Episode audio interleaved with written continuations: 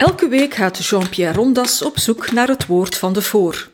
Hij analyseert het woordgebruik van journalisten, politici en opiniemakers, wikt en weegt hun woorden en ontmaskert bedrog. Beste luisteraar, wat het verschil is tussen links en rechts, dat weten de lezers van Doorbraak maar al te goed. Doorbraak wordt in de kranten meestal geciteerd als de rechtse webstek Doorbraak, terwijl de meeste lezers van Doorbraak ervan overtuigd zijn dat diezelfde kranten behoren tot de linkse sfeer. Maar als die lezers, mezelf erbij gerekend, het verschil tussen links en rechts moeten uitleggen, dan reageren ze zoals Augustinus. Als men het hen niet vraagt, dan weten ze het wel. Maar als men het hen vraagt, dan kunnen ze het weer niet gezegd krijgen.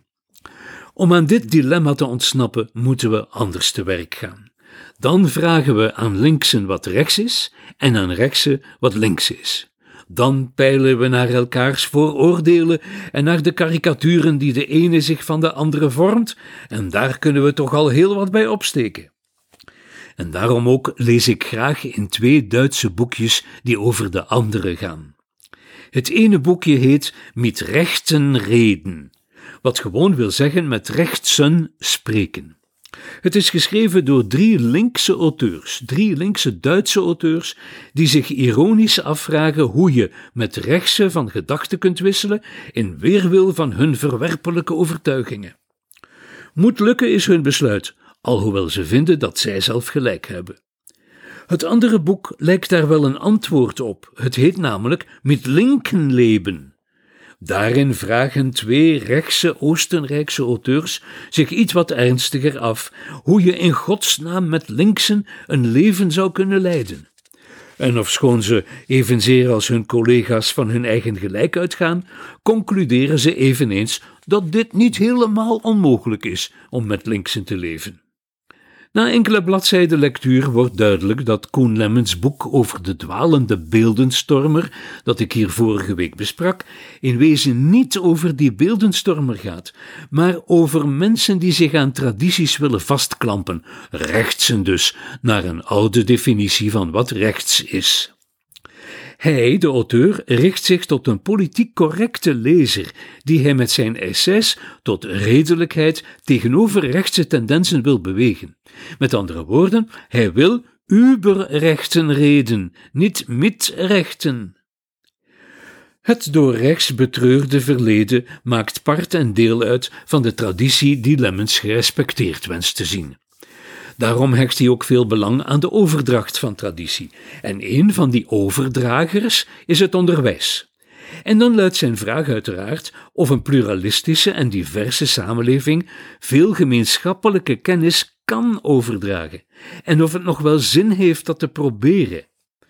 Gezien het publiek dat hij beoogt, is het aannemelijk dat hij er twintig bladzijden over doet om tot een kloek besluit te komen. Maar na al dat wikken en mikken schiet hij toch recht in de roos. Hij is namelijk tegen de gemeenschappelijke sokkel in het onderwijs, tegen het uitstel van studierichting en tegen de one-size-fits-all benadering.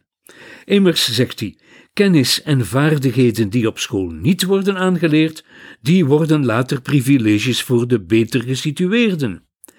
Hij kant zich tegen de opvatting dat kennis het product is van machtsstructuren, volgens Foucault, of dat kennis zou functioneren als een distinctiemechanisme, volgens Bourdieu.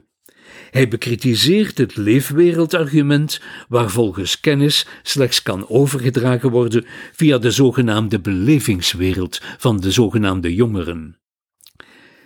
Ik kan iedereen die met onderwijs en overdracht begaan is, deze hoofdstukken over school en emancipatie aanraden. Te meer omdat ze geschreven zijn door een auteur die zich als essayist en niet als expert gedraagt. Het schijnt namelijk de experten die het onderwijs hebben gebracht tot het pijl waarop het nu staat, en dat pleit niet voor hen. Lemmens argumenteert ook tegen de taalrelativisten en taalpluralisten die in naam van een chimerische meertaligheid het statuut van een Vlaamse standaardtaal via de school aan het saboteren zijn. En tot hiertoe maakt Lemmens zijn ondertitel waar. Tegen de huidige mode in is een bewuste omgang met traditie broodnodig. Maar Die bewuste omgang met traditie wordt een bewuste begeleiding naar de uitgang, in het geval van de godsdienstlessen in het katholiek onderwijs in Vlaanderen. Hier schaart Lemmens zich, met een zelfverzekerdheid die de lezer tot dan toe van hem niet gewoon is, vierkant achter LEF, L-E-F, levensbeschouwing, ethiek, filosofie.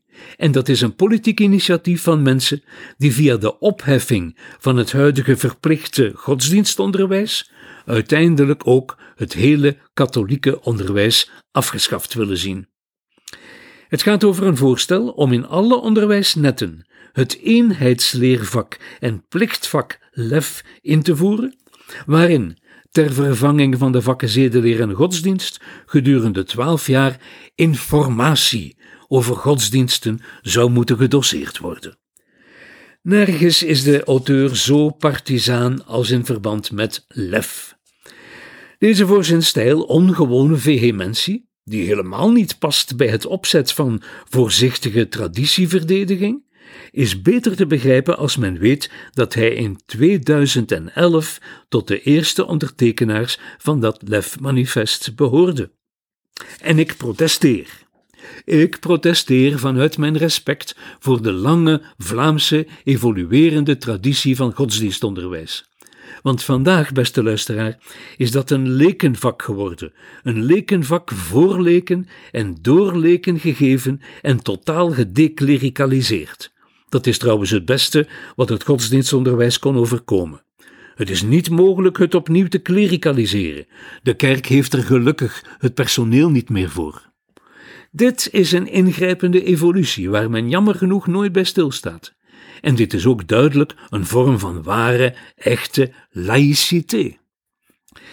Daarboven acht ik het onmogelijk om de culturele erfenis van het christendom over te dragen via zogenaamde informatielessen. Met informatie gaat men natuurlijk niet in op de langste en diepste traditie in de geschiedenis van de westerse cultuur. Maar, beste luisteraar, er is nog een ander praktisch bezwaar dat zijn tentakels uitstrekt tot de wortels van onze samenleving. Het LEF-voorstel wil maar niet inzien dat mede in het kader van de huidige kennisvijandige pedagogiek en didactiek, dat dit zogenaamde informatieprogramma al snel zal ontaarden in discussieonderwijs, in de hand gewerkt door de doelstelling om godsdiensten te vergelijken. Een brisant opzet.